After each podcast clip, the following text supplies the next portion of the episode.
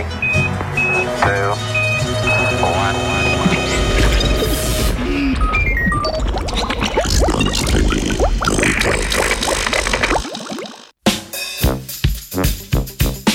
Vzela jih je. Dobro jutro. V znanstvenih novičkah danes poročamo o raziskavi objavljeni v Journal of Social and Personal Relationships. Ta študija predlaga teoretski okvir za razumevanje pojava ghostanja na mobilnih aplikacijah za zmenke. Gre za trend v komuniciranju, ko sogovornica ali sogovornik izgine oziroma se na nas preneha odzivati brez kakršne koli razlage.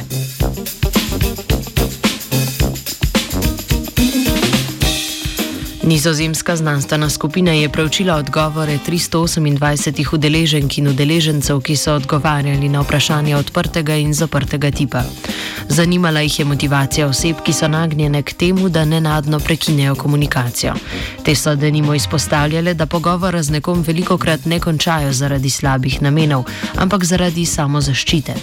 Omenjajo predvsem strah, da bi jih oseba, ki jo zavračajo, verbalno napadla in zalezovala.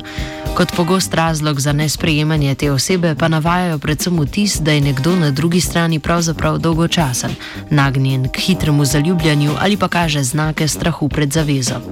Vsi ti razlogi so povzročiteljem ghostanja zmanjšali motivacijo za pogovor. Včasih pa se ghostanje zgodi predvsem zaradi same narave aplikacij za spoznavanje novih ljudi.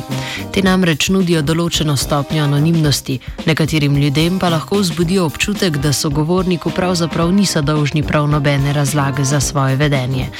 Na zadnje poročajo tudi o tem, da je zaradi velikega števila ljudi, ki jih je možno spoznati prek takšnih kanalov, včasih preprosto najlažje pozabiti na tiste, ki jih ne privlačijo tako močno.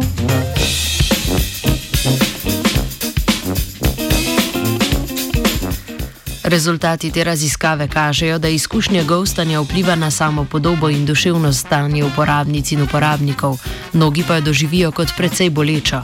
Najpogosteje so povdarili občutke žalosti, jeze in razočaranja. Nekatere je celo zaskrbelo, da se je sogovornici ali sogovorniku kaj zgodilo, določeni pa so prekinitev pogovora razlagali kot očiten znak, da oseba ni bila prava za njih.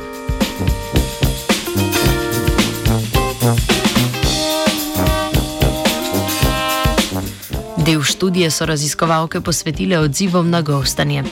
Osebe, ki so bile deležne takšnega vedenja, so zaradi želje po zaključku in osmišljanju situacije veliko krat ponovno vzpostavile stik z osebo, ki jih je začela ignorirati.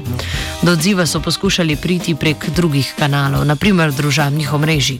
Včasih pa so se zaradi neprijetne izkušnje odločile, da bodo nehale uporabljati aplikacije za spoznavanje novih ljudi.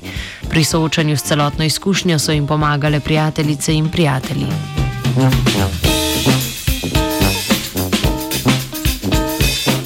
Zanimiva je ugotovitev, da je ghostanje pravzaprav mnogokrat normalizirano. Uporabnicam in uporabnikom izpričujoče raziskave se včasih zdi, da zavrnitve ni treba jasno skomunicirati. Poročajo pa tudi o tem, da bi nekaterim nedvoumna zavrnitev povzročila več bolečine kot sama nenadna prekinitev pogovora. Za ghostanje se zanima vajenka Dragana.